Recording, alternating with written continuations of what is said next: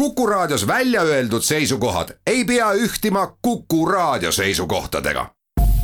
Te kuulate Kuku Raadiot. loodusajakiri, vaata ka looduseajakiri.ee. tere kõigile, Loodusajakiri alustab, mina olen saatejuht Tiia Rööp ajakirja Horisont märtsi aprilli numbris kirjutavad Tartu Ülikooli Tartu Observatooriumi atmosfääri kaugseire teadlased Liisi Jakobson ja Erko Jakobson Arktikast kui kliimavedurist. saate külaliseks on üks artikli autoritest, Erko Jakobson, atmosfääri kaugseire kaasprofessor, tervist! tervist! Arktikat on alati uuritud rahvusvaheliselt. jaa mitmel suurriigil on süvenevad majanduslikud huvid seoses Arktikaga. kuidas see teadlaste tööd mõjutab, teie tööd näiteks?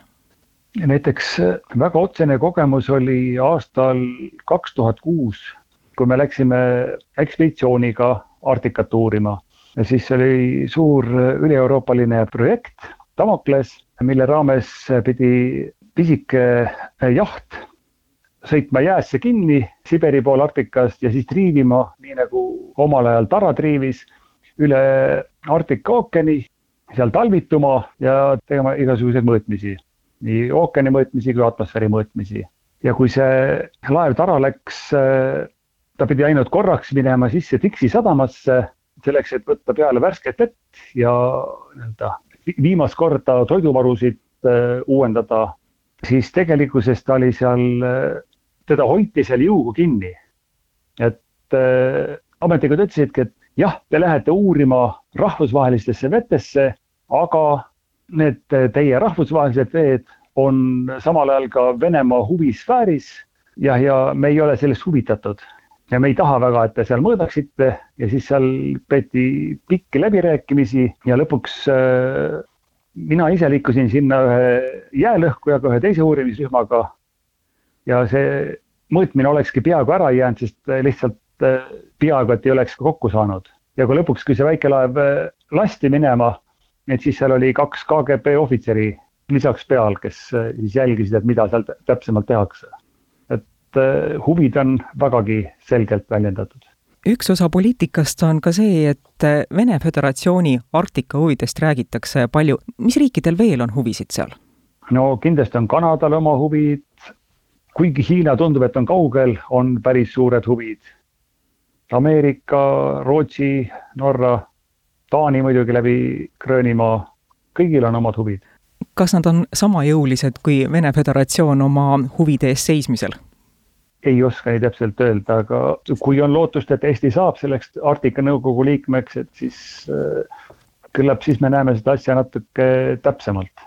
kas me oskame praegu hinnata või prognoosida, kuidas mõjutab Arktika kliimat ja Arktika elustikku see, kui peaks teostuma idee Arktika veeteest? mis siis juhtuda võib? no Arktika veetee praeguste teadmiste kohaselt äh, ei ole küsimus, et, et kas ta tuleb, vaid on küsimus, et millal ta valmis saab. sest Arktikas jää vähenemine on üsna nii-öelda, et see, et see vähenemine toimub ja et see vähenemine jätkub, et nii-öelda ükski mudel selle vastu ei võitle, lihtsalt küsimus on see, et kuna see juhtub. konsensuslik arvamus, et Arktika muutub jäävabaks, ehk siis äh, see jäävaba on ka defineeritud niimoodi, et äh, miljon ruutkilomeetrit jääd võib veel jääda nii-öelda Kanada Arktikas, et sinna tõenäoliselt jääb seda jääd veel päris pikaks ajaks, aga et jää ulatus langeb alla miljoni, et siis öeldakse, et Arktika on jäävaba ja noh, muidugi suvisel ajal. et konsensuslik kokkulepe on, et see juhtub kuskil aastaks kaks tuhat viiskümmend, aga paljud teadlased juba ütlevad, et pigem isegi juba kaks tuhat nelikümmend. Need protsessid muutuvad järjest kiiremaks.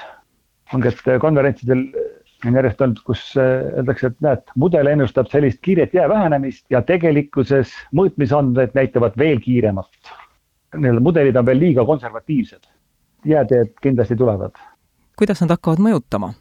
Ümbritsevat. paremaks no. kindlasti ei tee. no selles mõttes teeb, et transport muutub natuke odavamaks ja natuke kiiremaks. aga kui seal nii-öelda, kus on laevad, et seal on väga kergelt võivad juhtuda ka igasugused katastroofid ja, ja kuidasmoodi nendega toime tullakse, see on juba teine küsimus. ohud lähevad kindlasti suuremaks Arktikale. tulles kodule lähemale, see, mis toimub Arktikas, see mõjutab otseselt kliimat ka meil siin kodus. mis siis juhtub, kui ongi, nii nagu prognoosid ütlevad, kahe tuhande neljakümnendaks aastaks Arktika jäävaba, milline on siis Eesti kliima, milline on Läänemere kliima? juhtub see, et meil on need nii-öelda põhiline õhk tuleb meil läänest, meil on pidevad läänetuuled ja neid veab see, et äh, Arktika on külm ja lõunas on soe. ja see temperatuuride erinevus tekitab selle, kui hästi lihtsustatult öelda. ja kui Arktika soojeneb, siis äh, see temperatuuri erinevus läheb nõrgemaks ja ka need läänetuuled muutuvad nõrgemaks. tänu sellele ilmad muutuvad äh, stabiilsemaks ja mis sellega kaasneb, et äh, muutuvad stabiilsemaks ka ekstreemsed ilmad. põuad võivad muutuda märksa pikemaks, kuumaperioodid pikemaks, ka sajuperioodid võivad pikemaks muutuda, aga see, see nagu ei ole väga suur probleem. vähemalt Eesti aladel ei tohiks olla.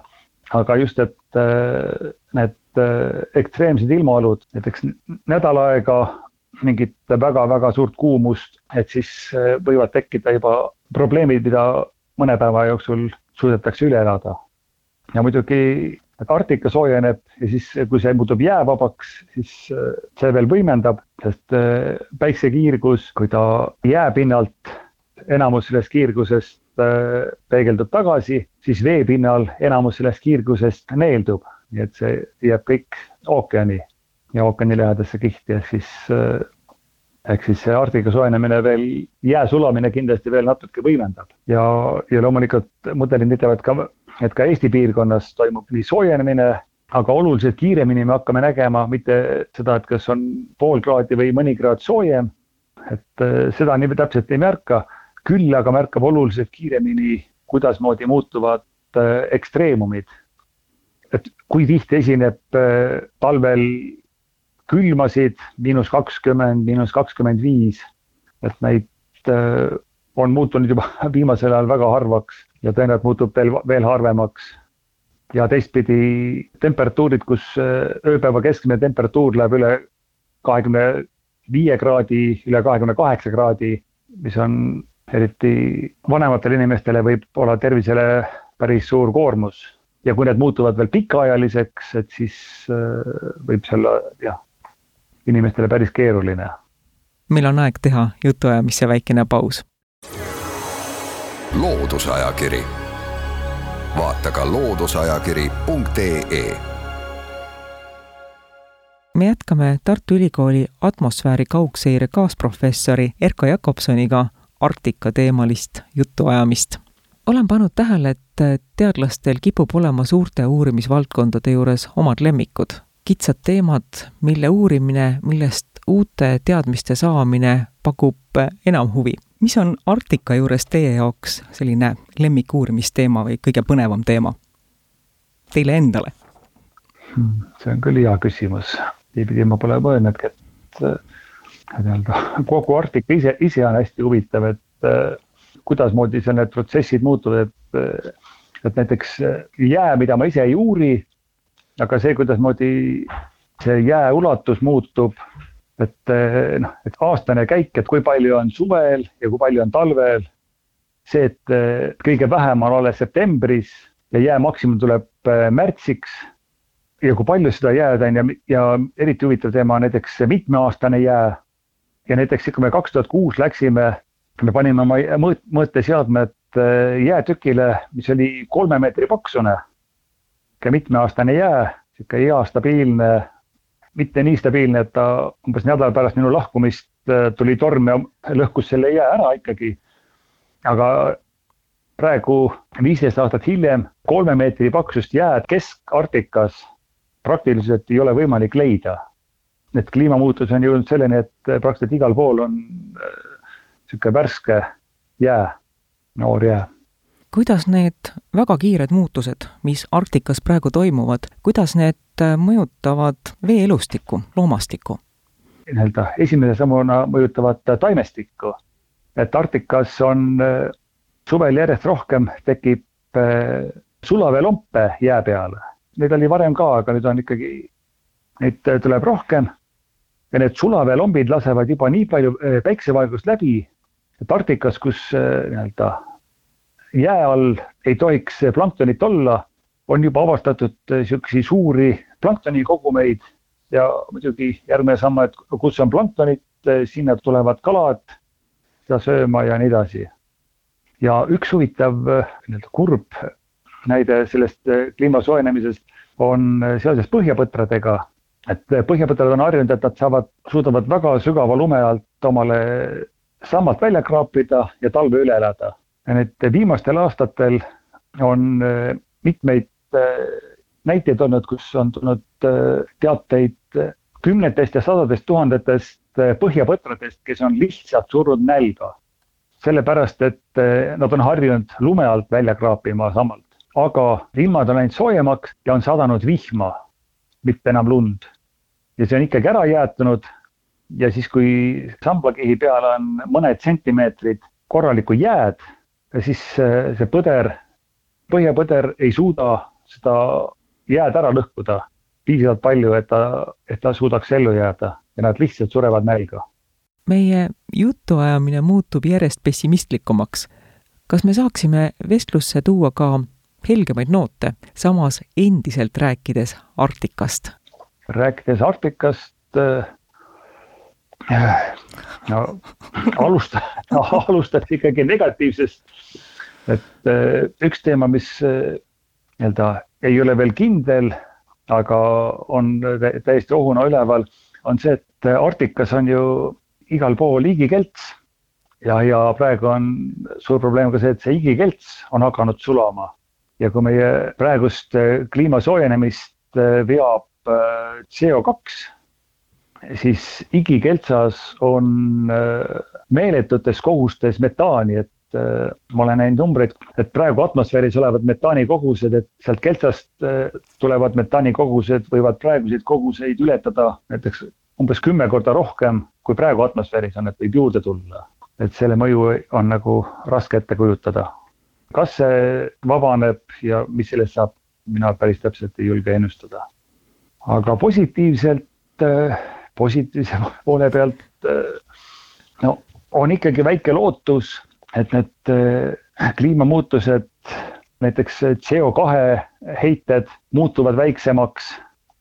ja, ja inimese käitumine muutub natuke loodussõbralikumaks, et need, ma arvan, et neid protsesse tagasi pöörata ei, lähiperspektiivis äh, sellesse ma ei usu, aga et äh, kui seda olukorda suuda, saaks ka enam-vähem praeguses olukorras peatada, et see oleks ka juba, juba päris suur samm.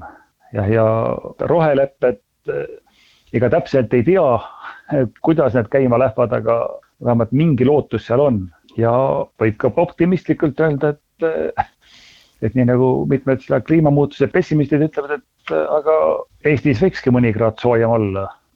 Aga jah, kõik see, mis sellega kaasneb, jah, meil võib olla mõni kraad soojem ja, ja kui me oleksime kinnine süsteem, täitsa võimalik, et siin läheks mõnusamaks et ei olegi vaja kuskile Vahemere saartele sõita.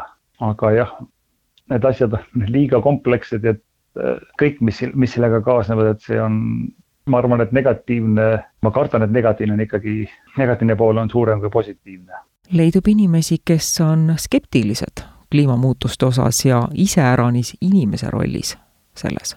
et nii kui üks, ükskõik milline artikkel tuleb kuskilt, äh, kus räägitakse kliimamuutusest, siis võib üsna kindel olla, et kindlasti keegi kuskil ütleb, et, et jah, need on jälle need kliimamuutuse inimesed ja tegelikkuses sihukest asja ei ole ja, ja, ja tegelikult kliima on alati muutunud, muutus enne inimesi ja muutub ka tulevikus.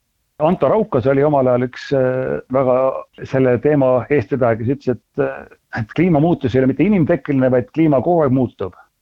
tegelikult neil on täiesti õigus pikas perspektiivis et kui nad vaatavad maailma nagu jumal pikas perspektiivis, kus äh, kümned tuhanded, sajad tuhanded aastad, siis täpselt nii ongi, aga kui vaadata sihukest inimpõlve pikkust perioodi või saja aasta pikkust perioodi, siis see praegune kliimamuutus on selle pika perspektiivi kliimamuutusega vastuolus.